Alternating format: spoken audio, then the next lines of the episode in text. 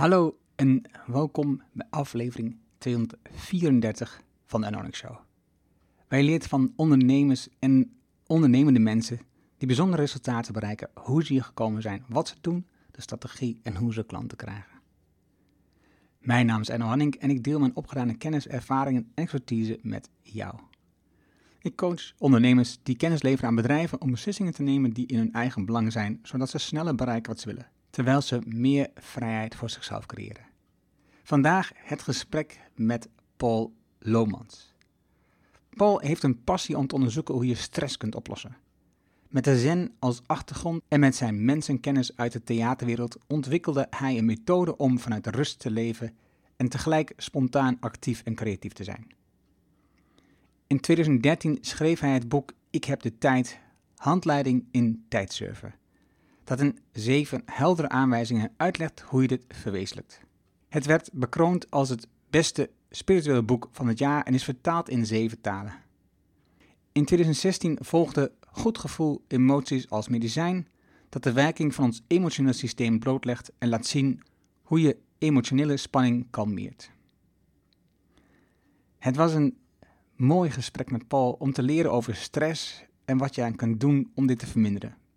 En natuurlijk kijk ik dan naar elementen die je als ondernemer kunt doen, hoe hij dat als ondernemer deed en wat hij leert aan andere ondernemers. Aan hand van persoonlijke voorbeelden kijken we hoe je als ondernemer minder last hebt van stress. Waar het vandaan komt, hoe hij er als zenmonnik, want dat is Paul, ermee te maken kreeg en concrete tips om zijn methode op te pakken.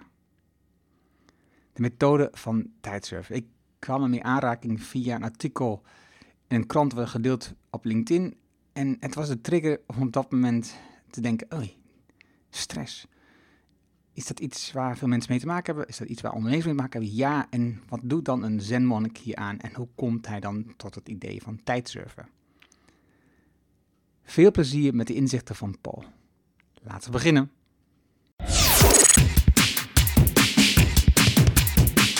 Welkom in de Erno Hamming Show. De podcast waarin je leert over de beslissingen om te groeien als ondernemer met je bedrijf. Luister naar de persoonlijke verhalen van succesvolle ondernemers en ondernemende mensen. Dan nu jouw business coach Erno Hamming.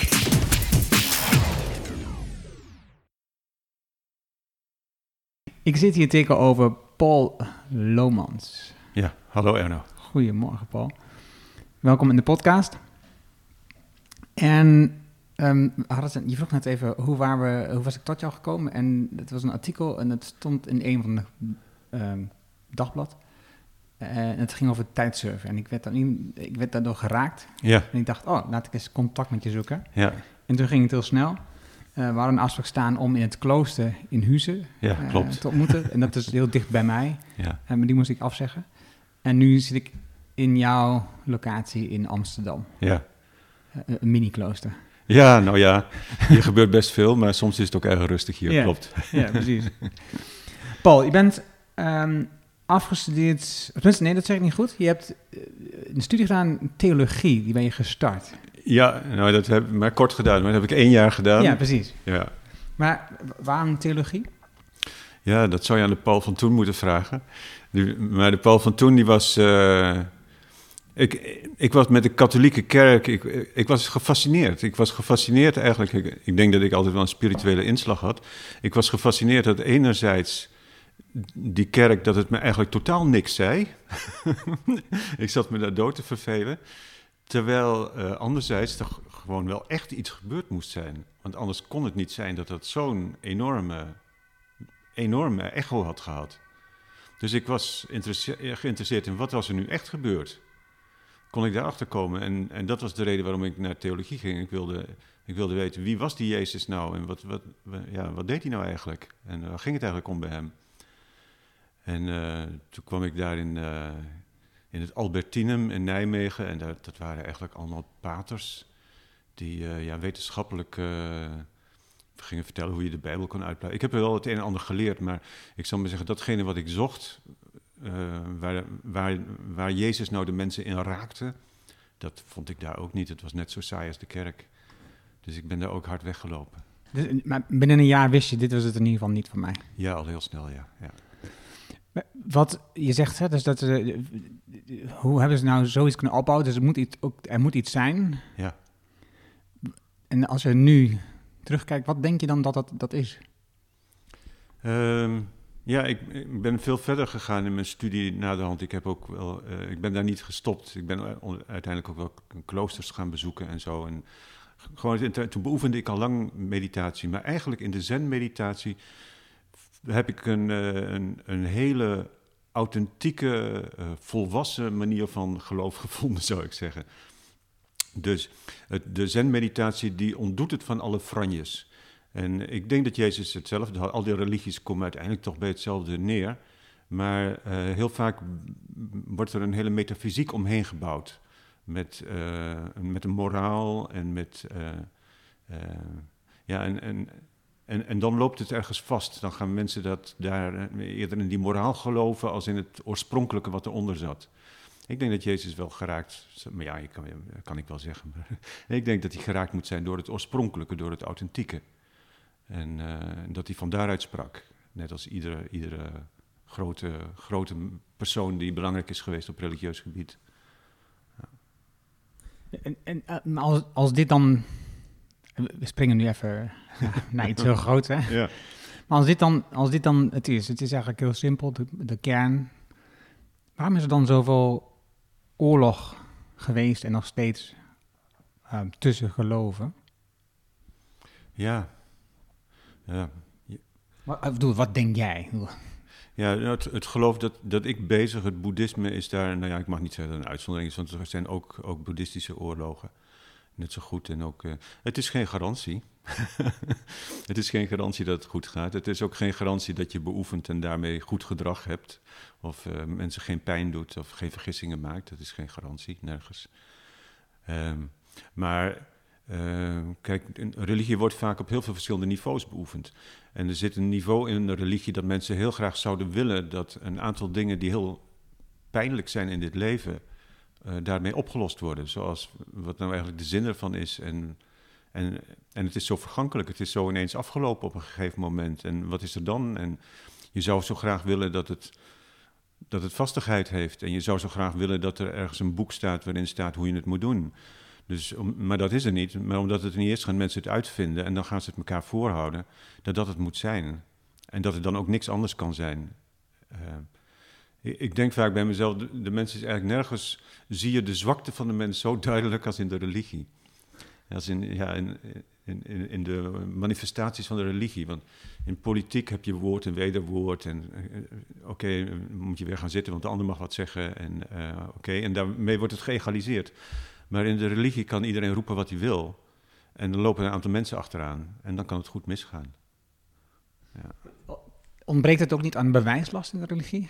Dat veel wordt natuurlijk beweerd vanuit een bepaalde visie, maar er is eigenlijk ja. geen bewijslast. Er is geen bewijs. Nee. Er is geen bewijs. Dus als ik uh, meditatie ga zitten, datgene wat je doet is de bewijs loslaten. Je wilt helemaal niet iets begrijpen of je laat je begrip los. Dus er is geen bewijs. Je hebt nooit gelijk. Er is geen gelijk.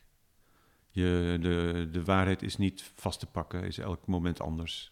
Dus uh, ja, zou best Ja, bij overlijden is natuurlijk het gevoel dat je je hele leven lang gewerkt hebt. En, en dat dat voor niks is geweest. Dat je denkt, weet je, het vergaat nu mijn werk en was er maar iets waardoor dat zou kunnen blijven. Ja, nou, er blijven natuurlijk ook dingen. Uh, zeker als je schrijft of zo, blijven er dingen achter. En sowieso eigenlijk alles wat je wat je doorgegeven hebt aan andere mensen, waar je met andere mensen mee geholpen hebt. En dat gaat verder in, in, in hun werken en in jouw kinderen. En dus er zijn dingen zeker die zich voortplanten. Um, maar datgene wat we graag zouden willen, dat wij. dat wij. Uh, maar dat wij bestaat eigenlijk helemaal niet. Weet je? Als je dus gaat kijken naar, naar dat ik, wat wij zo graag willen, dat, dat is een klopjes op de schouder krijgt. En waarvan gezegd wordt: je hebt het goed gedaan. En. Uh, maar die, die ik, die bestaat helemaal niet. Die is ook maar een samenraapsel van, van, um, van toevallige omstandigheden die elk moment opnieuw veranderen. Als je begrijpt wat ik bedoel. Uh, ik denk het, maar leg het uit. Uh, in het, bijvoorbeeld in het christendom praat je over een ziel. Hè? En dat is, dat is ook weer zo'n zo, zo'n geruststelling. Oh, er is een ziel. Dus die ziel, en die gaat ja, na ons, onze dood gaat die ziel verder. Ik weet niet of het klopt of niet klopt dat er iets verder gaat na de dood, maar die ziel, dat is, dat is iets waar het boeddhisme niet in gelooft. En, ehm, en als, je, als je wat langer mediteert, dan snap je dat ook. Er is geen kern.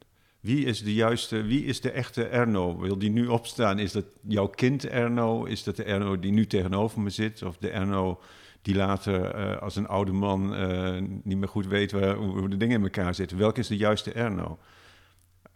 Er is geen ziel. Er is alleen maar een continue verandering. En invloed ook. Je bent ook niet, je bent ook niet alleen maar jij. Je bent samengesteld uit allerlei invloeden van jouw ouders, van je omgeving, van alles dat door jou heen gaat. Je bent een voortdurende uitwisseling met je omgeving.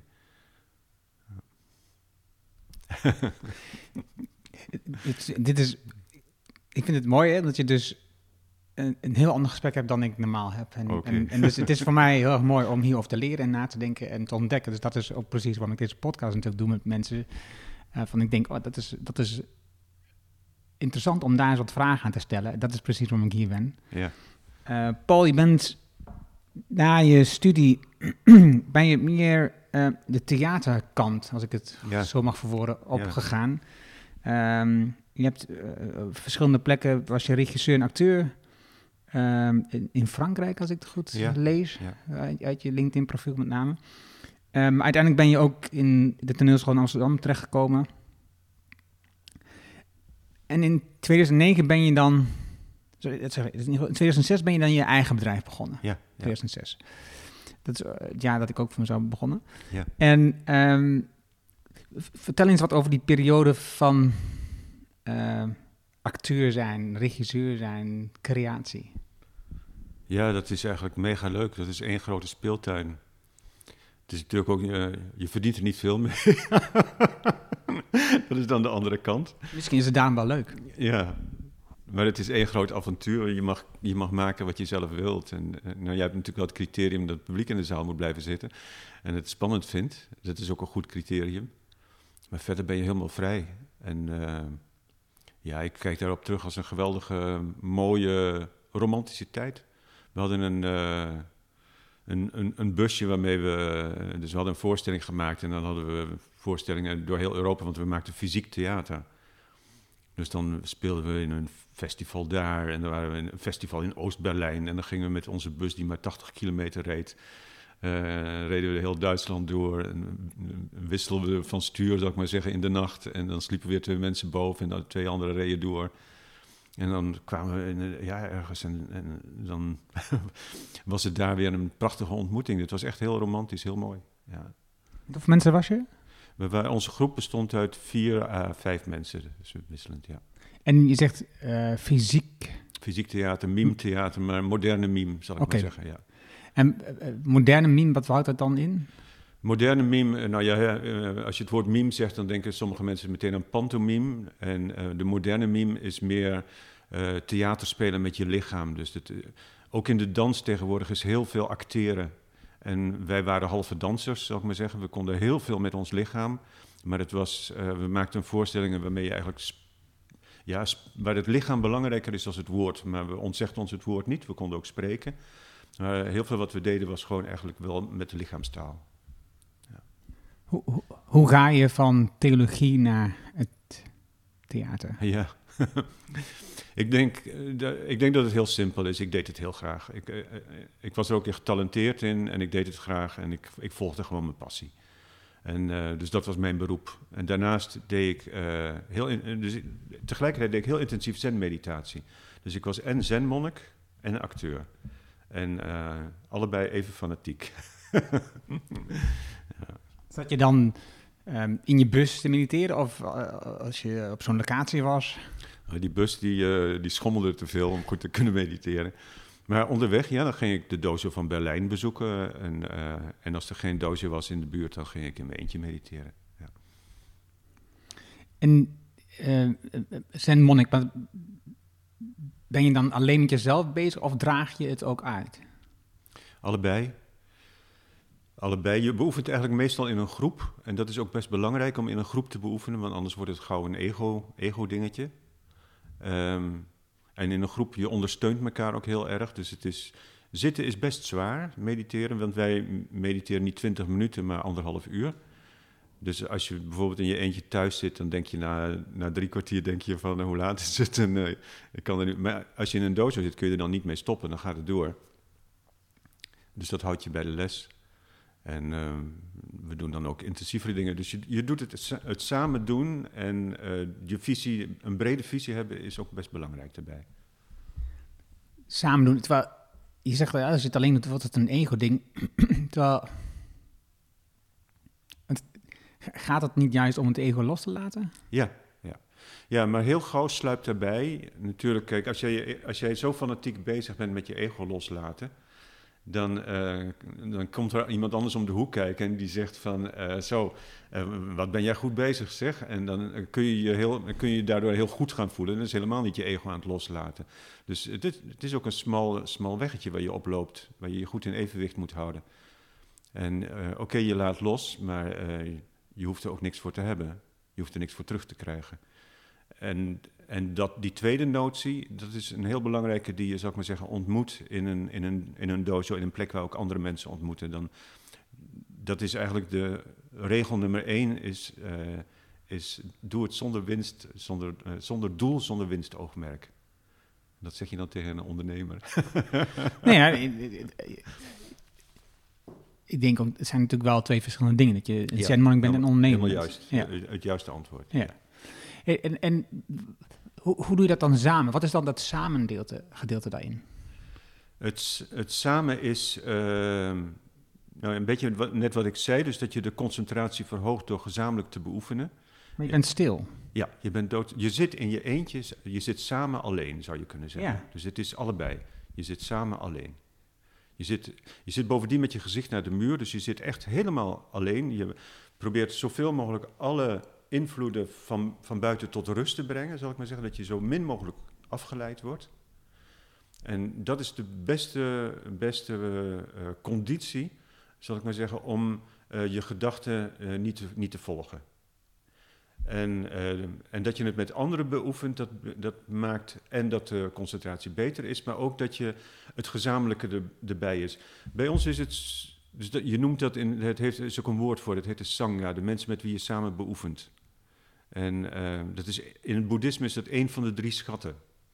Dus de, je hebt de Boeddha, de onderwijzingen, en de Dharma en, en, de, en de Sangha. De Sangha zijn de mensen met wie je samen beoefent. Ja, dus ben je in een onderlinge uitwisseling. Maar ook daar, je, je zegt er niet zozeer tegen jezelf van ik wil dit bereiken of dat doen. Maar het feit dat je je harmoniseert met de anderen, uh, ja, is heel belangrijk. Om, om er niet een, een ego-dingetje van te maken, toch? Ja, en, en, voor mij blijft het nog heel lastig. Ik, ik heb het nooit gedaan, dus misschien is dat ook uh, een, een, een, reden daarvan. Maar dus, je bent, je bent stil, je zit, je zit, je kijkt tegen de muur niet, want je hebt je ogen misschien dicht. Maar in ieder geval, je probeert je af te zonderen, terwijl je ook tegelijk samen met met anderen. Ja. En die anderen kunnen ook kuchen of lawaai maken, waardoor ja. je wordt afgeleid weer van die meditatie. Ja, ja, maar dat integreer je eigenlijk, dus dat, dat mag. Ja, ja. ja. En is het dan, als die meditatie een anderhalf uur over is, dat je dan um, elkaar ontmoet, dat je elkaar hand geeft of, of uh, dankbaar bent, of dat je dat deelt? Of... Het grappige, nou, we eindigen met een ceremonie. En die cerem ceremonie, en in die ceremonie dan uh, zing je gezamenlijk en ook dan harmoniseer je eigenlijk met elkaar. Dus dus één groot, groot uh, oefening in harmoniseren. En dan, als de meditatie afgelopen is, heb je het er eigenlijk niet meer over. Hm. Meestal is meteen daarna iemand die een grap maakt of iets. De heiligheid wordt eigenlijk onmiddellijk verbroken. Want dan ben je weer iets anders. Dus we proberen, je probeert als je zen-meditatie beoefent ook niks vast te houden. Niet zo van, nou, wat heb jij nu beleefd en heeft het jou iets gebracht? Dat, al dat soort dingen uh, is eigenlijk, daar heeft niemand het over. Je gaat meteen over tot het volgende. Je vraagt je ook niet af wat het met je heeft gedaan en wat het doet en, en hoe lang, en hoe lang de invloed is en al dat soort gedachten heb je eigenlijk niet.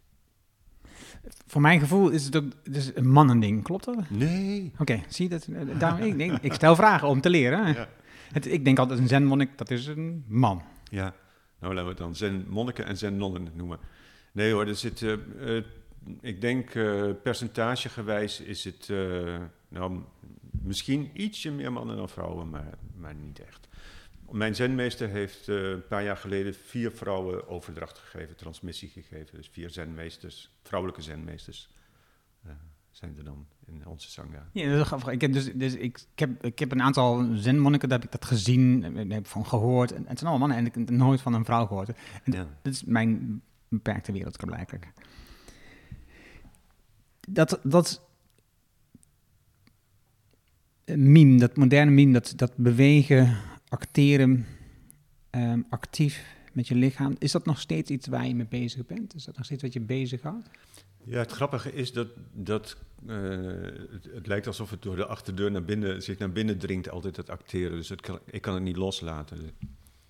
Dus nou, ik geef best wel veel lezingen en uh, ja, dan geef ik voorbeelden en dan sta ik ook te acteren. En dan laat ik zien hoe, waar het misgaat, zal ik maar zeggen. En wat, waar we met z'n allen misgaan. Of um, uh, ik geef niet alleen maar tijdtrainingen. Dus mijn, mijn, domein is eigenlijk stress. Dus ik laat ook zien uh, in, in lichaamshoudingen, laat ik zien van wat je, wat je uitstraalt en wat, het, ja, wat een lichaamshouding doet. En hoe je kunt transformeren. Dus door de achterdeur komt het overal naar binnen toe. Glipt het overal naar binnen. Ja, ja dat, ik kan me het bij voorstellen. Dan vroeg ik, want die, ja, dit, als het zo... Als je het zo, zo lang zo mooi vond om te doen, dan kan ik me voorstellen dat je het nog steeds heel erg integreert in je leven. Ja, ja. Waarom begin je in 2006 een eigen bedrijf en um, laat je het actieve acteerwerk los? Ja. Ja, dat was eigenlijk twee dingen tegelijkertijd. Dus uh, ik was in die tijd was ik eh, verantwoordelijk voor een, zen, voor een meditatiecentrum hier in Amsterdam. Ik had een gezin met jonge kinderen, kinderen van twee, drie jaar oud, drie kinderen. En een, dochtertje die nog iets ouder was. En, um, en acteren en regisseren, ik was veel, veel op reis, veel op weg. En, en om dat allemaal goed aan elkaar te breien en zo, dus uh, ik kreeg stress. Ik denk misschien net als iedereen met jonge kinderen in die leeftijd of zo, dat je stress hebt. Maar ik kreeg stress en ik was zenmonnik. En ik dacht van, hallo. Dat kan niet waar zijn. Zenmonnik stress, dat past niet. Ja, nou ja, blijkbaar dus wel. Maar ik, er was, ik had ook het gevoel van, kijk, wij zijn zenmonniken in het Westen. Dat bestaat nog helemaal niet zo lang. Dat is pas sinds uh, ja, eind vorige eeuw dat het bestaat.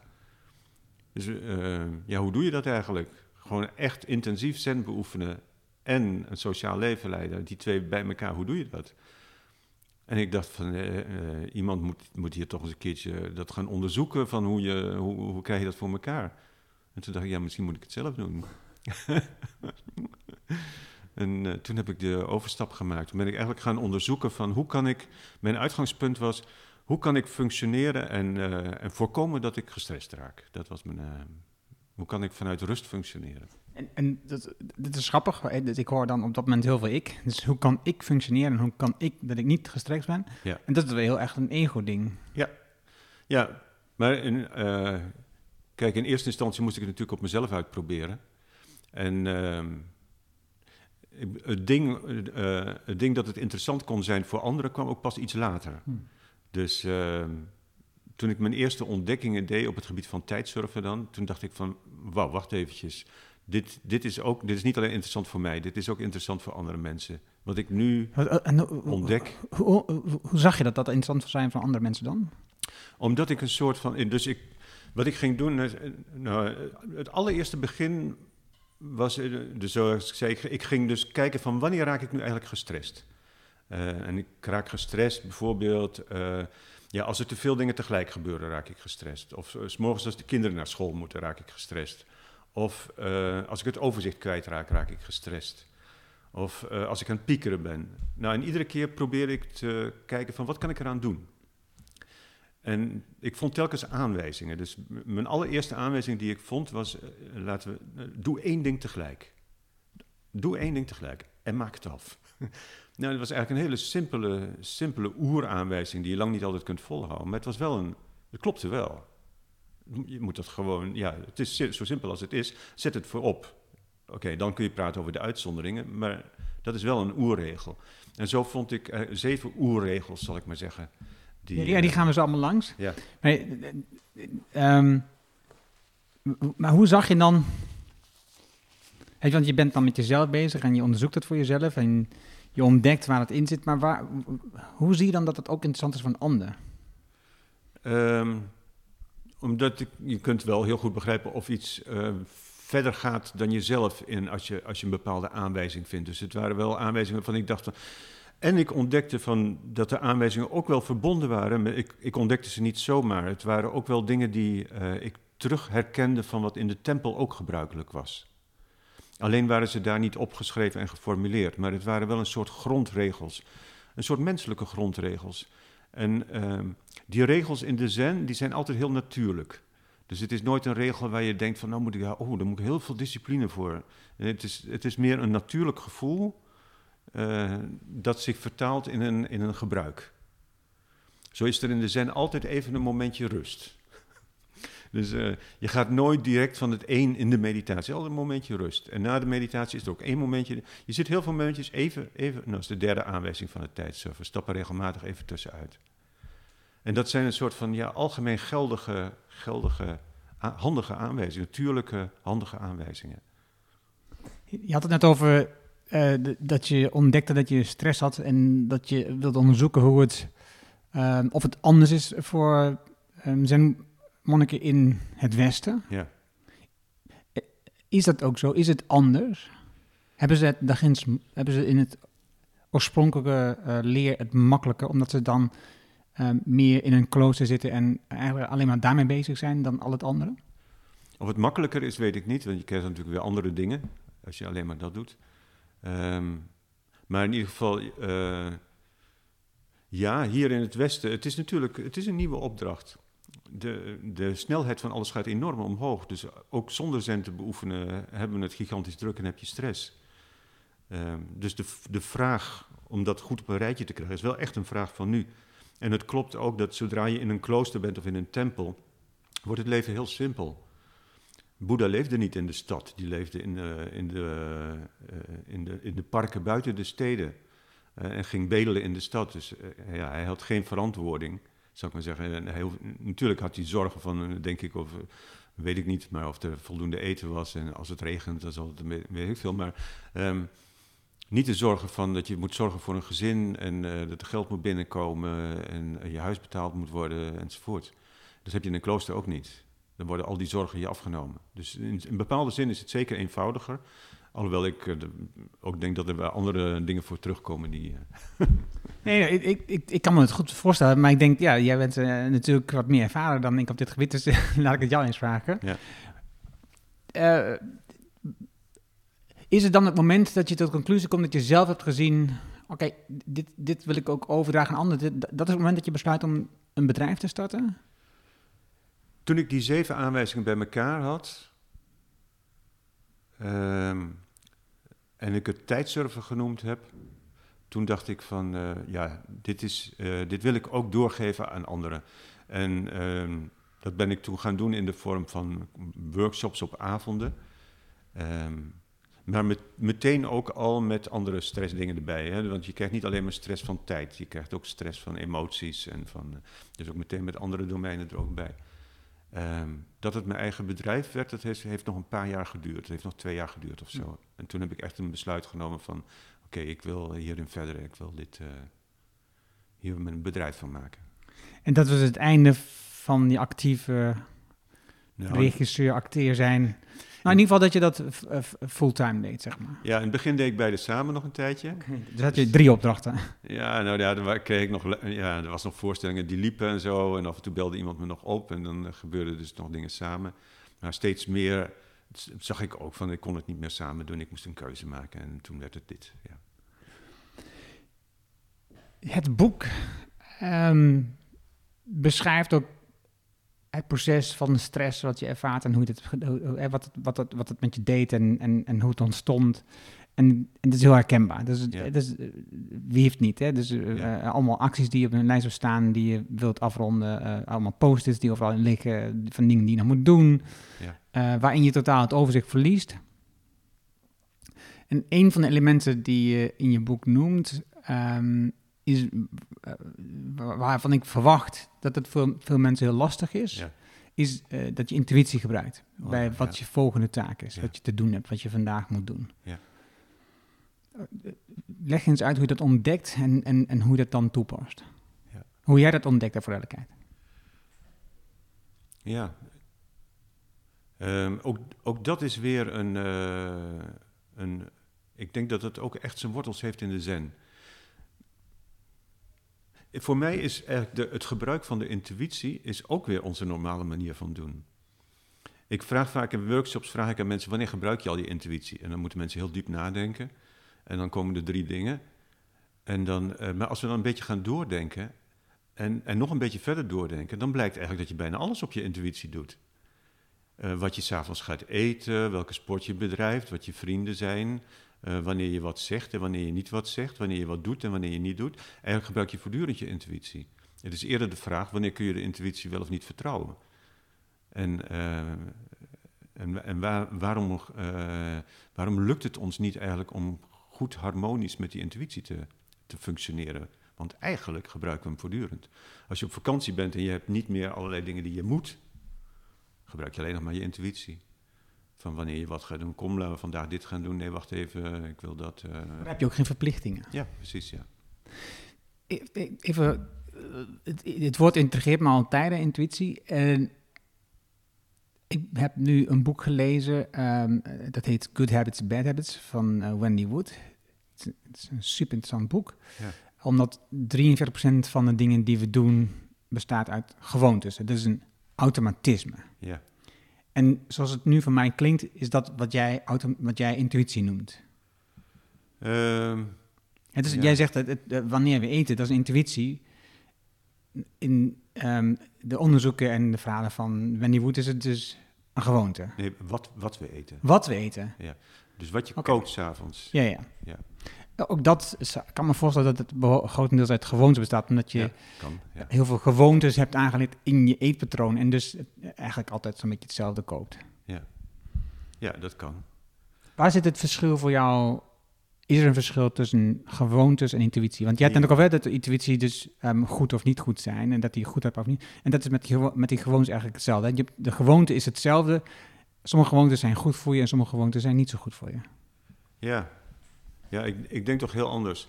Want gewoontes zijn vaak juist. Uh, de intuïtie laat juist de vaste tijdstippen eigenlijk los waarop je dingen doet. Je mag het wel doen hoor, op vaste tijdstippen.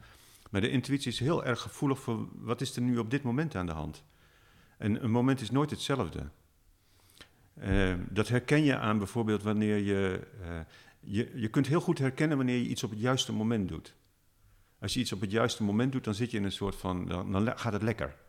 Dus je kunt een artikel schrijven uh, en als je dat op het juiste moment doet, woep, vloept het zo uit je pen.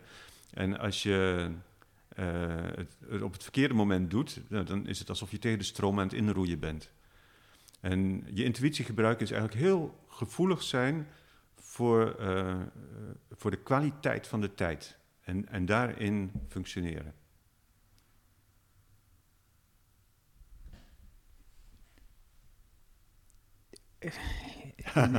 er komen allerlei vragen. Ik blijf het moeilijk vinden, dus er komen meer vragen. Wie bepaalt dan, wat bepaalt dan, hoe wat bepaalt dat het de juiste tijd is? Ja, um, je intuïtie dus.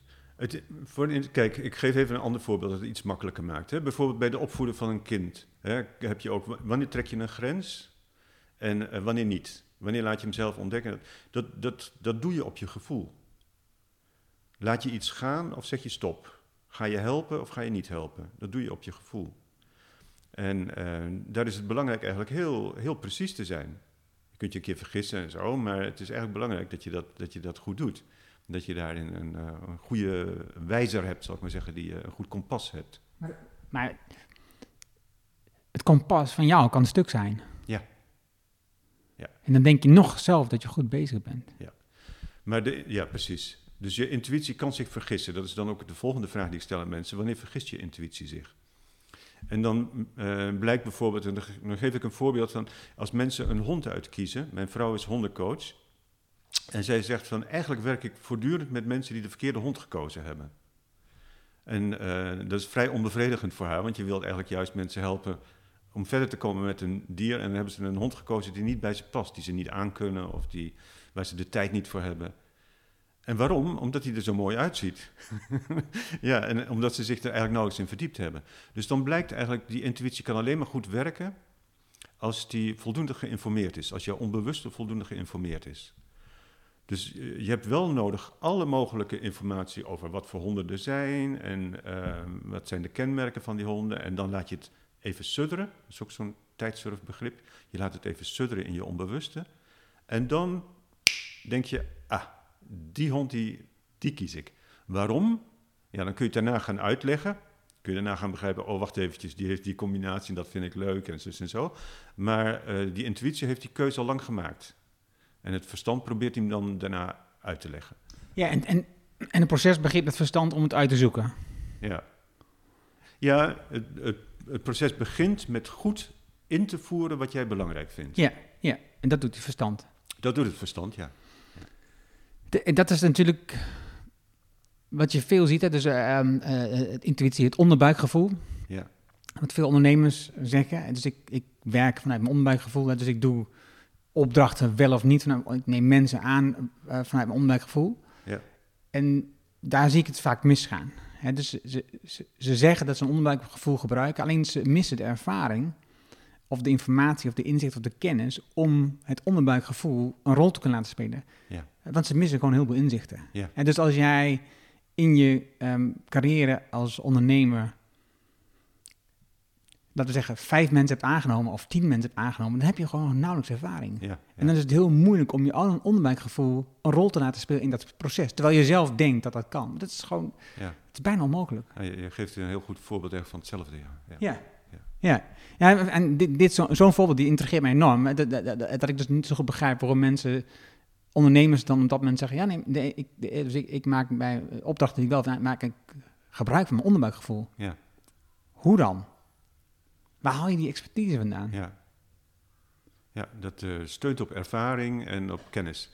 En, uh, en, en dat is dus, uh, de die twee componenten moet je laten samenspelen. Kennis en ervaring en je gevoel. Dus aan de ene kant ga je heel goed invoeren in het onbewuste. En dat onbewuste, dat hebben we nu de term al een paar keer laten vallen. Dat onbewuste is niet statisch, dat is dynamisch. Dus op het moment dat jij informatie gaat in je opnemen, dan komt het in je onbewuste terecht. En je onbewuste gaat, daar, gaat het, zal ik maar zeggen, uh, verbinden met allemaal andere informatie die ook in je onbewuste aanwezig is. Gaat het verrijken, gaat het plaatsen. En en, en dat proces noem ik sudderen. Dus daar heeft het onbewuste wat tijd voor nodig. Uh, dus als je na uh, informatie tot je genomen hebt en na enige tijd kom je terug tot die informatie, dan kan de intuïtie heel scherp denken van dit ga ik doen. Dan, maar dan ondertussen heeft dus het onbewuste uh, ja, de censuur over gedaan, zal ik maar zeggen, en conclusies getrokken. En die beslissing die uh, wordt ook intuïtief genomen. En dan daarna denk je van, oh, ik heb hem bewust genomen. Maar eigenlijk uh, is je onbewust al lang duidelijk van wat je, wat je wilt. Wanneer zou je kunnen weten dat je genoeg informatie hebt opgedaan in het onbewuste, zodat je intuïtief kunt besluiten? Nooit. Het is altijd goed om uh, de ratio ernaast te hebben staan, die heel oplettend kijkt of de intuïtie het goed doet. Uh, de, maar de intuïtie... Klinkt heel onlogisch. Ja. Nou, eigenlijk niet. Ja, de ratio, dat is de, de, intuïtief, en dan uh, zet je een ratio er weer naast. Ja. Ja, de ratio die observeert, eigenlijk de, de ratio is een instrument dat we tot onze beschikking hebben. Wij, we zetten met z'n allen de ratio voorop. En eigenlijk zou je de intuïtie voorop moeten zetten en de ratio als dienaar. Ja, oké. Okay. Je zegt, we zetten met al dat voorop, maar dat is we doen alsof. Want eigenlijk is in de werkelijkheid is het dat het intuïtieve staat voorop en de ratio komt daarna. Ja, ja. Dat is de werkelijkheid. Ja.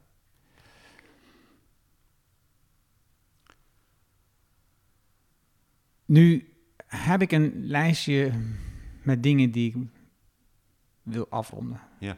Um, deze week. Ja. Hoe doe je dat dan? Dat jij intuïtief besluiten neemt om te bepalen wat je gaat doen? Wat ik, ik begin de dag s morgens met, uh, neem ik een moment en dan bedenk ik wat ik die dag allemaal wil doen. Uh, daar maak ik een lijstje van, dus dat schrijf ik op. En uh, ik bekijk het lijstje ook heel goed of ik precies weet wat het allemaal inhoudt, wat ik wil gaan doen. Eh, ik heb natuurlijk ook vaste afspraken ertussendoor staan. Hè, dus, Zoals, zoals deze. Ja, zoals deze, ja. Je training en zo. En dan, eh, vanaf dat moment functioneer ik op mijn intuïtie. Dus dan ehm, maak ik me even los van, dan lijstje draai ik om en dan kijk ik niet meer naar. Dat lijstje is gemaakt, daar kijk ik niet meer naar. En dan ehm, loop ik even een, een stukje op en neer en dan bedenk ik, nou, ik ga met dat beginnen. En dat is een keuze die gemaakt is, eh, ik zou zeggen, voor een groot deel door de intuïtie. En de ratio staat daarnaast. Er zitten ook sommige dingen in van, nou, dit moet gewoon even snel gebeuren. Want dit is, eh, ik heb beloofd dat dat voor die tijd eh, die persoon eh, dat heeft. En dat is gewoon handig dat dat nu gebeurt. Maar er zitten ook de grote dingen zitten in mijn hoofd. Zoals ik, ik ben momenteel een boek aan het schrijven. Ehm, nou, ook, ook daar komt tijd voor. Wanneer komt die tijd precies? Ehm, ja, gedurende de dag kiest de, de intuïtie eigenlijk heel duidelijk van op welk moment je wat gaat doen. En op het moment dat je die actie gaat doen, dan eh, duik je daar volledig in en laat je even al het andere los. Is, is, het, is het dan niet zo dat je intuïtie... Het is een vreemde vraag als ik hem zo stel. Kan het zo zijn dat je intuïtie op dat moment ook altijd voor het makkelijkste kiest en het moeilijke altijd... Oh nee, uit- helemaal, niet juist. Nee. Dat zou betekenen dat je het niet goed hebt ingevoerd als dat zou gebeuren. Dan heb je het niet belangrijk genoeg gemaakt. Dus de intuïtie kiest voor de, ook voor de dingen die je belangrijk vindt. En, eh, en die moeten gebeuren ook. Dus ik zou maar zeggen, als ik mijn administratie verwaarloos omdat ik dat niet leuk vind, dan krijg ik grote problemen. Dus zeker eh, zegt mijn intuïtie ook, eh, nu is het tijd voor de administratie. Dus dat zit, in, dat zit in mijn systeem, zal ik maar zeggen. En kies daar een moment voor uit. Maar het navigeren tussen die momenten van wanneer je wat doet, dat doe ik, zou ik maar zeggen, voor een overgroot deel op mijn intuïtie. En dan kies je een taak, die begin je en die maak je af. Ja. Wat als de taak zo groot is dat je hem niet afkrijgt? Ja, met het schrijven van een boek bijvoorbeeld. Hè? Dus dan knip je hem in stukjes. En in, en in stukjes, in handige stukjes. Dus in eh, stukjes die zich eh, laten verhappen. Dus eh, ik zou maar zeggen, als, als je een, een kleiner artikel zou schrijven, dan, dan kun je beginnen met een opzetje te maken. Eh, dit zijn de, de zeven punten die ik wil behandelen. En eh, dan kun je als tweede kun je een aantal van die punten uitwerken. En als derde merk je de rest van de punten uit. En als vierde kijk je het allemaal nog een keertje na, bijvoorbeeld. En dan heb je het in, in mooie stukjes gedaan. Maar dat hoef je niet allemaal achter elkaar te doen. Telkens kun je één stukje doen, het even laten sudderen. En dan op het volgende geëigende moment pak je het volgende aan. Ja, dus is zo'n klein blokje, dat maak je af dan. Ja. Dat zeg je, dat is een taak Ja, en die ja. maak je af. Dus niet het artikel schrijven is wat je afmaakt, maar je maakt zo'n blokje af. Ja, ja. En die blokjes die bepaal je in principe op het moment dat jij dus 's ochtends dat papiertje maakt. Ehm, nou, dan, ehm, dan liggen mijn wensen en, eh, en opties voor de dag, die heb ik dan bedacht. Maar of dat allemaal haalbaar is, dat, eh, dat is een tweede. In een dag gebeuren altijd onverwachte dingen. Er zijn altijd dingen die tussendoor komen. En dingen duren altijd langer dan je denkt. Ehm, dus eh, dat is helemaal geen vast lijstje, dat is een optielijstje. Dat is een optielijstje en eh, ehm, ja, maar het, het, en het is niet zo dat als jij dan dat optielijstje niet afkrijgt, dat er dan stress ontstaat? Nee, nee, want ik weet dat eh, welk lijstje dan ook je nooit afkrijgt. En, eh, dus het is ook heel belangrijk dat je eh, jezelf gunt om dingen hun tijd te geven, zal ik maar zeggen. Dus ja. In, in deze tijd is het. In deze tijd. We- dit is echt een spannende tijd hè, wat stress betreft. Want we kunnen heel erg veel. We kunnen heel erg veel. Dus voor je het weet zit je eigenlijk in, eh, in, in, in, in, vijf grote belangrijke dingen ben je aan het werk, zal ik maar zeggen. En, en, eh, want we kunnen dat allemaal. Met heel, met heel weinig middelen kunnen we, kunnen we dat doen. En, eh, en die dingen beginnen allemaal te roepen dan naar ons toe. Ehm, ja, het, het is denk ik ook handig om keuzes te maken en te zeggen van... wacht even, ik ga er maar drie doen in plaats van vijf. En die drie doe ik goed.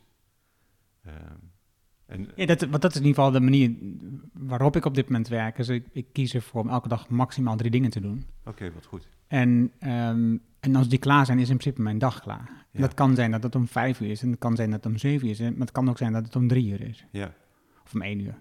Ja. Het helpt mij enorm. Het geeft me enorm veel rust om te kiezen voor drie dingen. ja, En, en, en- en waarom geeft mij rust? Omdat de kans is vrij groot dat ik dat lijstje kan afwerken. ja, En de kans is vrij groot dat als ik het afwerk, dat ik daarna een opgeruimd gevoel heb. Dat, dit, dat die acties gedaan zijn. En het voordeel is ook dat ik dus als ik drie acties heb, dat ik moet kiezen voor de dingen die op dit moment voor mij het allerbelangrijkste zijn. ja, En dus, dus, dus ik ga niet vanuit van allerlei dingen die me afkomen om dan continu weer keuze te zetten. Maar nee, ik, ik heb gewoon voor mezelf bedacht wat deze week eh, heel belangrijk is. Drie dingen. ja, Deze maand. En daaruit volgt dus wat moet ik dan, wat wil ik graag vandaag doen? Niet wat moet ik vandaag, maar wat wil ik, wat wil ik vandaag afronden? ja. Dat is heel mooi. En, maar daarnaast heb je dan ook nog de lopende dingetjes. Dus, Ja, nee, niet zoveel. nee, ja. Nee. Maar in heel veel beroepen wel. Ja, In heel veel beroepen heb je lopende dingetjes. eh, dit moet even nagekeken worden, dit moet vandaag de deur uit. eh, er is een fout gemaakt, die moet je even repareren. Er komt een mail binnen van iemand en die ga je beantwoorden. Ehm, sowieso heb je heel veel mailtjes die er tussendoor komen en die eh, om aandacht vragen. Dus je hebt naast je grote projecten heb je je lopende dingen. En eh, het, het is eigenlijk heel belangrijk dat je die twee in goede harmonie brengt met elkaar. Heel veel mensen die, ehm, die richten zich vooral op de lopende dingen. En als je je richt op de lopende dingen, dan ben je voortdurend bezig met eh, brandjes blussen eigenlijk, met kleine dingetjes. Het is, de, het is de uitdaging om je blik de andere kant op te zetten en eh, naar de grote dingen te kijken en die voorop te zetten en de andere er tussendoor te zaaien. Ehm, en daarin handig te worden. ja het, eh, het verhaal van eh, stenen, kiezelstenen en zand. Ja, ja, ja. Ja. En, even duidelijkheid, eh, eh, dus je begint met de grote stenen, die kun je in een, in een vat doen. Het vat is de tijd die je vandaag hebt. Ja. En daartussen ook nog een paar kiezelstenen. En het laatste kun je opvullen met zand. Het is een mailtje, een berichtje tussendoor. Ja. Ehm, en, en wat je zegt, het is mails, ehm, daar moet je op reageren. Nou, ook daarin ben ik vrij terughoudend. ja, is, want op al die andere dingen die losse vlot is reageren, dat is vooral reageren op anderen. ja, Wat anderen verwachten dat je doet. Ja. Dus je bent continu dingen aan het oplossen voor anderen en daar komt weer meer werk uit. Want als je een mail verstuurt, krijg je meestal 1,3 keer mail weer terug. het is, dus op het moment dat je een mail stuurt, krijg je weer meer werk. ja, En eh, daarmee ga je uiteindelijk je, eh, je, je- richting waar je op wilt, die ga je niet realiseren. Ja. Want je bent continu de richting van anderen aan het volgen. Ja. En dat is dus wa- waarom ik zeg, oh ja, ik, wil, ik kies gewoon voor drie dingen die ik eh, wil realiseren vandaag.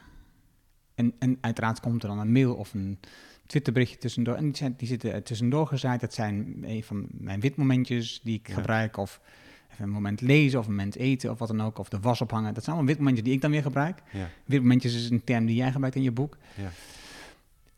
En die helpen me om, wat je ook beschrijft in je boek, om daarna weer ehm, fris aan de slag te gaan met mijn nieuwe eh, taak. Ja. Wa- eh, waardoor de vorige taak wordt afgesloten helemaal in mij. Ja, heel mooi. Heel mooi. Wat zie jij in je trainingen rondom tijdsurfen, ehm, waar het vooral vaak niet lukt? Waar het niet lukt. Ehm, nou, er zijn heel, daar kun je wel een aantal dingen opnoemen hè, waar mensen mee, mee kampen. Heel veel mensen kampen met ruis. Dus we hebben eh, nu moderne werkomgevingen eh, gecreëerd, de kantoortuinen. Mensen zitten vaak vlak naast elkaar te werken. Telefoontjes komen tussendoor. Er is heel veel ruis. Ehm, dus eh, ruis verminderen is eigenlijk een heel, heel belangrijk eh, gegeven in het totaal. Ehm, dan, eh, nou, hetgene wat we net al zeiden, dus grote projecten op de baan krijgen, omdat mensen toch heel vaak zich laten verleiden om vooral de kleine dingetjes goed te doen, waardoor je verzandt in, in brandjes blussen. Ehm, mensen hebben de neiging om door te gaan. Dus ehm, mensen hebben eigenlijk het gevoel van continu van ik heb eigenlijk te weinig tijd. En, eh, en dus slaan ze de pauzes eigenlijk over. Er zijn best wel veel mensen die eh, zelfs eh, een maaltijd gebruiken achter hun laptop en, en, en doorwerken. En dan het gevoel hebben dat ze goed bezig zijn en dat er meer uit hun handen komt. Terwijl je die rust tussendoor, net wat je zelf zegt eigenlijk, die is zo belangrijk. Eruit te stappen is zo belangrijk. Niet alleen voor je innerlijk, maar ook voor je geest. Om goed overzicht te hebben iedere keer, goede en duidelijke keuzes te maken. Ehm, ja. ja je, wordt, je wordt gewoon minder effectief uiteindelijk. Ja. Uh, tegenstelt aan wat je denkt. Hè? Dus je denkt, ik werk meer, dus ik word effectiever. Ja. Maar je wordt steeds minder effectief, omdat je steeds minder ruimte hebt in je hoofd om het werk wat je doet goed te doen. Ja. Hoe, hoe uh, jouw eerste ding wat je noemt, hè, dus er zijn best veel bedrijven die kantoortuinen uh, hebben opgezet, omdat dat gezellig is, goed is, uh, ooit bedacht is, efficiënt en is. goedkoper. Precies. maar in de kern ook niet. Hè? Dus mensen zijn veel minder effectief ja. uh, of efficiënt en, en daardoor is het niet goedkoper. Maar nou zit je in een omgeving waar het niet kunt veranderen. Hoe, hoe, hoe, ga je daarmee om? Hoe ga je, dat, hoe ga je daar zelf mee om? Um, nou, het is, het, dan is het belangrijk dus, om, stel dat je in een team werkt, dan is het belangrijk om met het team bij elkaar te komen en daarover afspraken te maken. Um, ik heb bijvoorbeeld een keer gewerkt met een team, uh, met een team op het AMC, uh, een, uh, team hemofilie was dat. En die, daar merkten ze van, ze waren eigenlijk allemaal beschikbaar om de telefoon op te nemen. En ze waren, dat was niet goed afgesproken. Ze konden veel handiger dat verdelen onder elkaar van wie wanneer de telefoon opneemt, zodat je andere mensen in die tijd uh, eigenlijk uh, stoorzendervrij konden, konden werken en daarin elkaar afwisselen. Dat was een hele eenvoudige ingreep, maar die heel veel opleverde. Um, om, sommige mensen denken ook van ja, maar ik moet wel beschikbaar zijn en zo. Maar je, je kunt zeggen van jongens, ik ben, als je vragen hebt, stel mij ze dan uh, tussen, ik noem maar wat, tussen 11 en 12. Uh, dan ben ik beschikbaar voor vragen. Maar daarvoor liever niet en daarna ook alleen als, ik, uh, als het urgent is. Dat scheelt echt een hele hoop. En in een, in een situatie van de kantoortuin kun je bijvoorbeeld een koptelefoon opzetten. waar niet eens geluid hoeft uit te komen of een soort achtergrondgeluidje of zo. Uh, waardoor je een heel sterk visueel teken geeft aan de mensen om je heen. Ik, uh, ik wil nu niet gestoord worden. En als je wel gestoord wil worden, kun je hem weer afzetten. Van nu, nu, is het, uh, nu kun je me wel iets vragen. Nou ja, dat soort hele praktische dingen laat ik mensen eigenlijk zelf opkomen wat in hun situatie het handigste is om te doen. Ja, ik, ik, herinner me bij een eerste stageplek bij Delft Instruments. Ik had het gisteren, gisteren was ik in Delft en dus had ik het er ook over. Ja. En uh, dat is een vrij technische afdeling waarbij um, uh, elektronica ontwikkeling uh, plaatsvond. Ja. En dat is natuurlijk één jongen die zat dus daar met een koptelefoon op de hele Ja. dag. Ja. En ik dacht jezus man, wat, is, wat ben jij ongezellig, wat ben jij niet collegiaal. Ja. Ehm, maar ik realiseer me uh, langzaamaan dat, dat hij ervoor koos om gewoon heel erg gefocust en geconcentreerd te werken om zijn werk goed te doen. Ja. En daarmee waarschijnlijk veel efficiënter was voor Delft Instruments dan eh, collegiale medewerkers. Ja. Eh, ik, eh, dit is wel grappig, ja. Ik moet er zo om lachen. Je hebt, ehm, eh, ehm, ik heb de tijd in jouw boek geschreven over tijdsurfen, over de zeven elementen, de methode. Ehm, een grappige die er ook in zit is, die, ik ook wat tegendraads vind, zeg maar, is dat je aandachtskloppers de aandacht geeft. Ja. Is Aankloppers. Ja. Aankloppers, ja, sorry, aankloppers. Dus ik, dus ik ben geconcentreerd bezig. En dan komt iets langs en die moet dan toch aandacht geven. Ja. Ja, dat is eigenlijk een mooie aanwijzing. Dat is echt ook wel een, een beetje een zen-aanwijzing. Maar als mensen hem eenmaal goed begrepen hebben, dan, dan valt het kwartje. En denken ze, oh ja, natuurlijk. Dus eh, goed, zet voorop dat je, eh, dat je wel de ruis in je omgeving verminderd hebt. Dat je alleen diegenen jou kunnen storen die, waarvan je echt vindt dat ze dat moeten kunnen. Maar als iemand jou stoort en je blijft hangen tussen waarmee je bezig bent... en eh, half achter je laptop en ja, zeg het dan maar... dan heeft die ander een heel onbevredigend gevoel. Denk maar aan als je iemand belt en die ander is nog, dat kun je horen, hè, als die ander dan ook nog eigenlijk zijn e-mail aan het lezen is tegelijkertijd. Dus, dat, is dat levert stress op, een vorm van stress. Dus het is veel handiger tegen die ander eh, eh, eh, volledige aandacht te geven en zeggen, ja, zeg het maar, wat is er aan de hand? en dan alsnog te besluiten of je daarin meegaat of niet, dat, dat is dan het volgende. Maar wel, geef hem wel volledige aandacht. Ehm. En als je kijkt naar ehm, wat je eerder zei, dus dat je als als je kiest op basis van intuïtie, dan merk je dat het goed voelt als je helemaal uh, induikt. Hè? Dus dat je helemaal de energie krijgt. En um, dat heeft de naam even kwijt. Maar, uh, als je dus wordt afgeleid, dan duurt het dus, blijkt uit onderzoek, zo'n 20 minuten weer, dat je weer terugkomt in diezelfde um, modus voor jezelf. Ja. Diezelfde um, zen-modus, zeg maar, om je werk te doen. Ik, ik begrijp de insteek dat als iemand aanklopt en dat je uh, niet half aandacht geeft. Ja. En, en, probeert beide dingen tegelijk te doen, want dat, dat werkt sowieso niet. Hè, dat is voor beide niet fijn. Maar tegelijkertijd denk ik, ja, wacht even, ik, ik, zit nu midden in mijn verhaal. Laat me het gewoon afmaken. Ja, maar daarin moet je jezelf ook beschermen. Dus kijk, als ik boek aan het schrijven ben bijvoorbeeld, wil ik helemaal niet afgeleid worden. Want dan is juist die concentratie heel erg belangrijk. Dus daar kies ik uh, tijd voor. Ik noem dat uh, ja, eilanden van rust, noem ik dat. Dus die schep ik van tevoren. Daar zet ik alles uit. Ga ik ook geen e-mail lezen en uh, wil ik absoluut niet gestoord worden. Dus dan ben ik een halve dag of een hele dag aan het schrijven. Um, maar als ik gestoord kan worden, dan geef ik volle aandacht. Ja, dus daar zit het verschil. Ja. Het verschil is dat je de keuze maakt van tevoren dat je niet gestoord wil. En die keuze heb ik dan met mezelf blijkbaar ook gemaakt. Ja. Want als ik aan het schrijven ben, uh, überhaupt als ik gewoon veel overdag werk, uh, staat mijn telefoon uit. Ja. En ik zie na wel welke oproep ik heb gemist. Ja. En die telefoon ligt niet op mijn bureau, die ligt ergens anders, zodat ik hem niet zie. Want als je hem ziet, dan lijkt hij toch ergens af. Oh, misschien is er een berichtje. Ja. Allemaal dat soort dingen wil ik gewoon echt absoluut voorkomen. Ja. En dus ik werk op, op dat moment op mijn tablet, waarbij ik maar één scherm open heb. En dat is het scherm waarin ik schrijf. En de rest is dus dicht, kan ik niet naar kijken, word ik ook niet afgeleid. Dus ik heb ook heel veel van die voorwaarden creëer ik op dat moment om in volle concentratie te werken aan het ding waar ik mee bezig ben. Nou ja, alles wat je nu zegt bijvoorbeeld, daar hoop ik mensen naartoe te brengen. Ja. ja om dat soort keuzes te maken. Ja. ja. Heb je voor jezelf gemerkt, sinds dat je deze zeven elementen hebt ontdekt, um, dat het een stuk makkelijker is geworden? Dat je meer resultaat bereikt? Um, Minder stressvol bent? Ja, dat zou je kunnen vragen. Hè? Of dat, um, zou eigenlijk uh, iemand anders uh, zou dat zou handig zijn als die daarnaar kijkt. Je moet je wel vergelijken dan met. Je weet niet hoe het is als ik, het, als ik een ander systeem zou benutten. Hè? Maar kijk, dat is ook wel het mooie. Bij mij staat ook wel de. Je hebt altijd iets, iets wat, wat je afmaakt, maar je hebt ook hoe je het doet. En dus de kwaliteit is ook belangrijk, de kwaliteit van je tijd.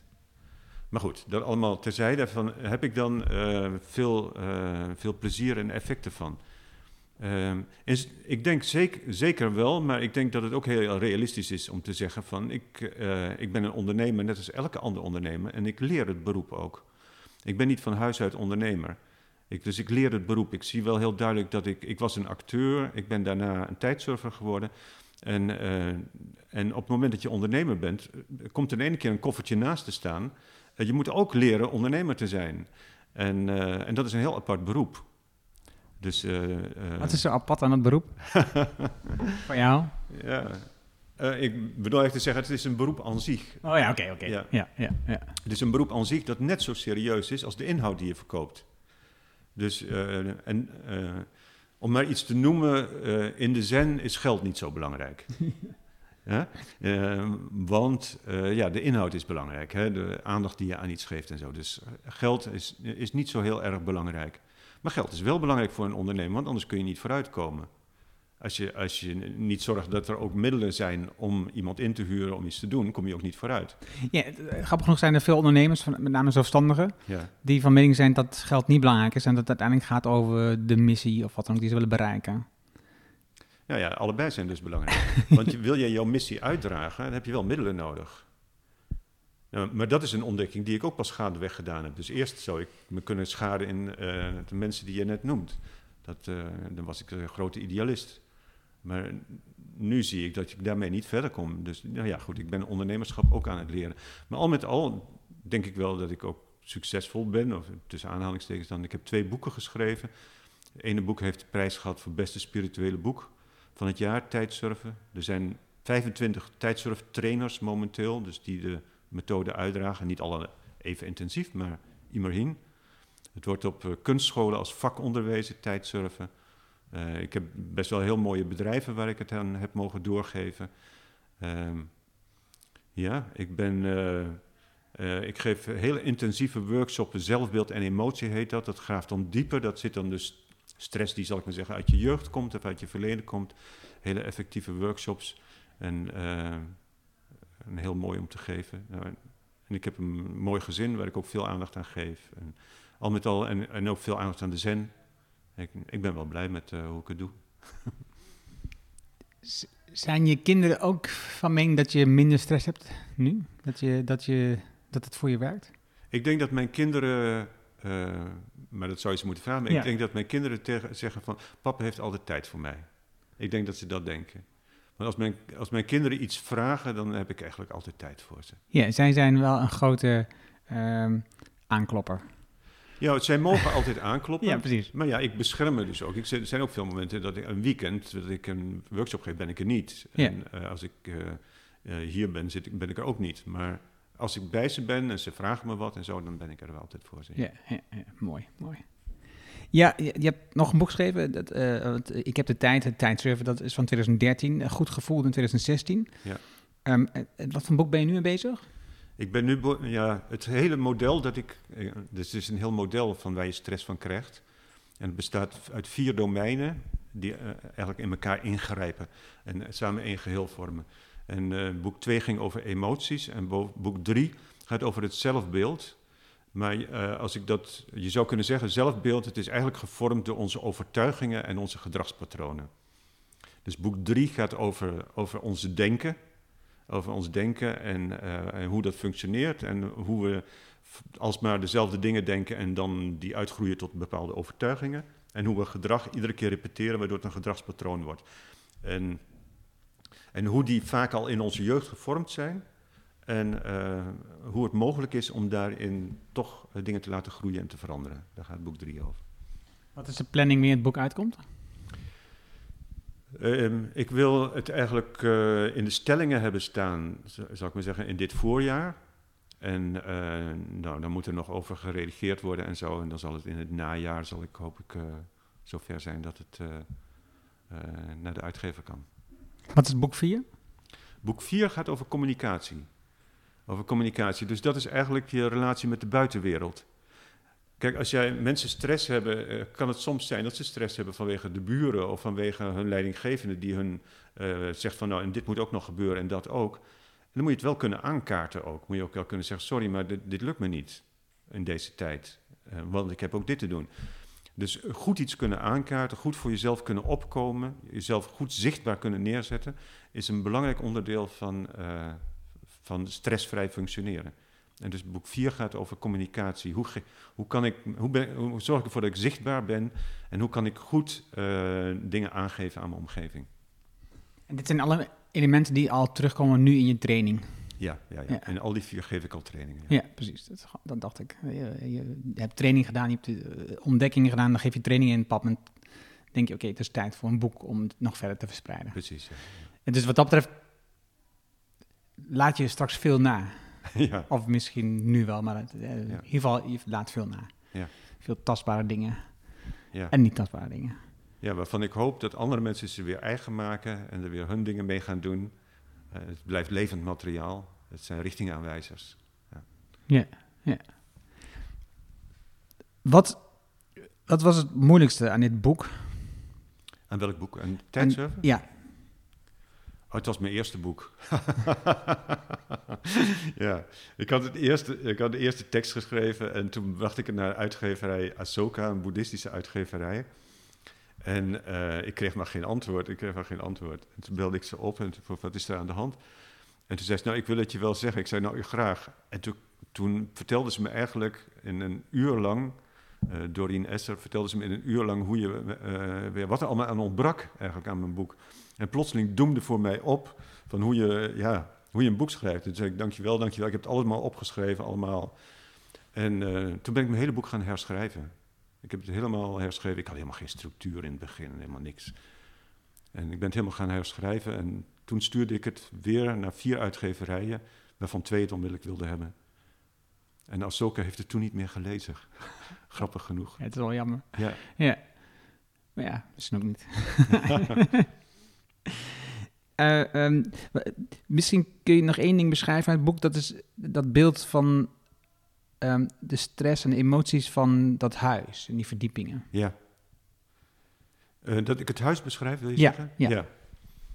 Ehm, dus de begane grond van het huis is hoe ga je om met tijd, met je tijd en je taken. Dat is eigenlijk het leven van alle dag. De kelder is, gaat over emoties. Dus eh, dat gaat over angsten, over je voelt je gekwetst, over pijn, over verdriet. Je moet afscheid nemen van iemand of iets. Maar ook over eh, positieve gevoelens, over wat is geluk eigenlijk en, eh, ehm, en liefde. En, en daarin eigenlijk een goede, een goede, ook weer een goed kompas hebben. Goede kompas, dat is eigenlijk altijd het centrum van alles.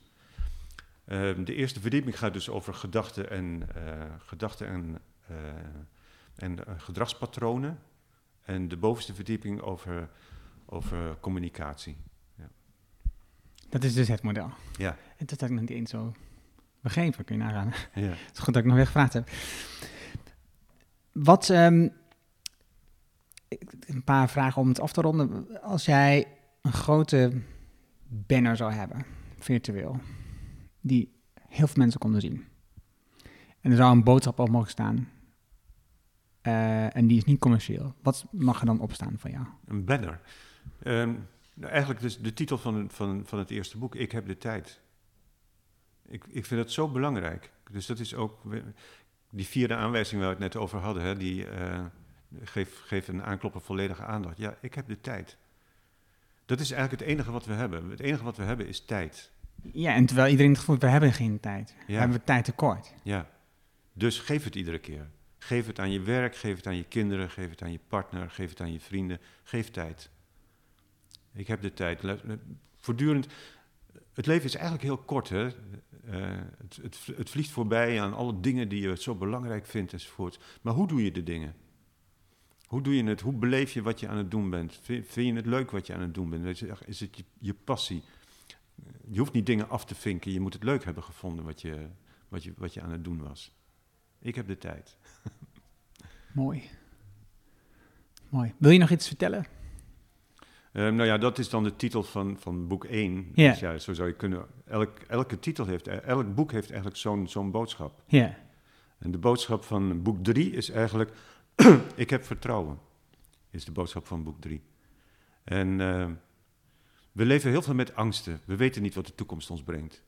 En eh, zeker in deze tijd met het klimaat en, en met oorlogsdreiging en met van alles. En, met, en zelf ga je ook uiteindelijk dood. En je kunt je allerlei beren op de weg zien.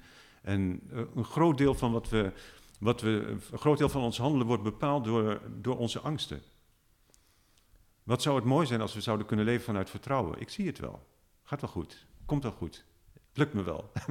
vanuit vertrouwen. Het gaat, gaat lukken. En eh, zeker, natuurlijk komen allerlei dingen tussendoor. En het leven is hard en, en, en, en, en geeft je af en toe een knal in je, in je gezicht. En, en dan mag je de scherven oprapen. Maar dat doe je dan ook. En dan doe je het zorgvuldig en met, en zorgvuldig en met aandacht. En dan ga je weer verder. Het lukt je wel. Gaat goed. Is dat het verschil tussen optimisme en pessimisme ook? Ben je een optimist? Ehm, nou, ik, ik hoop optimist te mogen zijn. Ik ben ook wel een realist hoor. Ehm, want ik, ik, ik zie het gevaar ook wel allemaal en zo. Maar we maken ons heel veel zorgen waar we ons geen zorgen over hoeven te maken. En, eh, en het zou fijn zijn als we daar ons minder door laten leiden. Is er een vraag die ik je nog had moeten stellen die ik niet heb gesteld? Ehm, nou, ik zit wel te denken over die kwaliteit van de tijd. Hè? Dus dat is wel een heel belangrijk dingetje. Kijk, als je dan kijkt met tijdsurfen, ehm, die zeven aanwijzingen. Het, het grappige is dat uiteindelijk maakt het je ook effectief, hè? zoals je zelf ook beschrijft, als je dat allemaal eh, doet. Maar de tweede aanwijzing van het tijdsurfen is: eh, sta stil bij wat je doet en aanvaard de handeling. Duik erin. Elk moment is een heilig moment. Elk moment is het allerbelangrijkste moment van je leven. En, ehm, en, eh, En, en dat is eigenlijk zo, ja, dat is zo, zo, dat zou je eigenlijk naast al die andere dingen ook moeten zien. Dat, dat, dat de kwaliteit zo, zo belangrijk is. Je leeft dit maar één keer. Deze dag komt niet meer terug, dit moment komt niet meer terug. Je doet het nu. Mooi. Hoe kunnen mensen jou bereiken? Um, via mijn bedrijf heet het De Stressontknoping en uh, het tijdsurfen. En die hebben allebei een website, dus tijdsurfen.nl en de stressontknoping.nl. Zo ben ik het uh, makkelijkste te vinden. Paul, super dankjewel. Ja. Het was mooi om met je in gesprek te zijn, om van je te leren. Ja. En wie weet tot de volgende keer. Dankjewel, dankjewel voor het mooie gesprek. Ja. Dat was het bijzondere gesprek met Paul. Je vindt de namen en links die we noemden in het artikel dat bij deze uitzending hoort. Ga ervoor naar ernohanning.nl slash show 234. Wil je vanzelf de volgende aflevering van de Ernon Show op je telefoon krijgen? Dat is heel eenvoudig. En ook de meest makkelijke manier om naar de podcast te luisteren. Heb je een iPhone, dan zit daar de standaard app Apple Podcast op. Zoek maar op je telefoon op, zoek dan de Ernon Show op, klik op abonneer en vanzelf krijg je de volgende aflevering op je telefoon. Heb je een Android-telefoon? Geen probleem. Installeer dan eerst de Player FM app, bijvoorbeeld. En zoek daar de Anonic Show op. Klik op abonneer en vanaf dat moment krijg je automatisch de volgende aflevering op telefoon. Dankjewel hiervoor. Heb je vragen, opmerkingen, reacties over deze aflevering met Paul of over de podcast in het algemeen? Stuur dan een e-mail naar podcast.ernhoning.nl. Ik hoor super graag van jou. Leer hoe je meer rust krijgt terwijl je er geen tijd voor hebt. Hoe je het netto resultaat van je bedrijf verhoogt zonder harder te werken. Wil je weten hoe je focus krijgt op het allerbelangrijkste wat je te doen hebt, zodat jij weer gaat ondernemen? Vraag dan het gratis boek Beter Beslissingen, Meer Focus voor de Ondernemer aan op ernohanning.nl. Het is mijn nieuwste boek je downloadt het helemaal gratis. De fysieke versie wil je niet ontvangen, de papieren versie zeg maar. Dat kan ook. Bestel hem op mijn website. Je betaalt alleen de verzendkosten. Het boekje blijft gratis. Vraag jouw boek nu aan op ernhouding.nl. En ik weet als ondernemer, je bent druk. Je leest het in één avond uit. Dankjewel voor het luisteren en graag tot de volgende.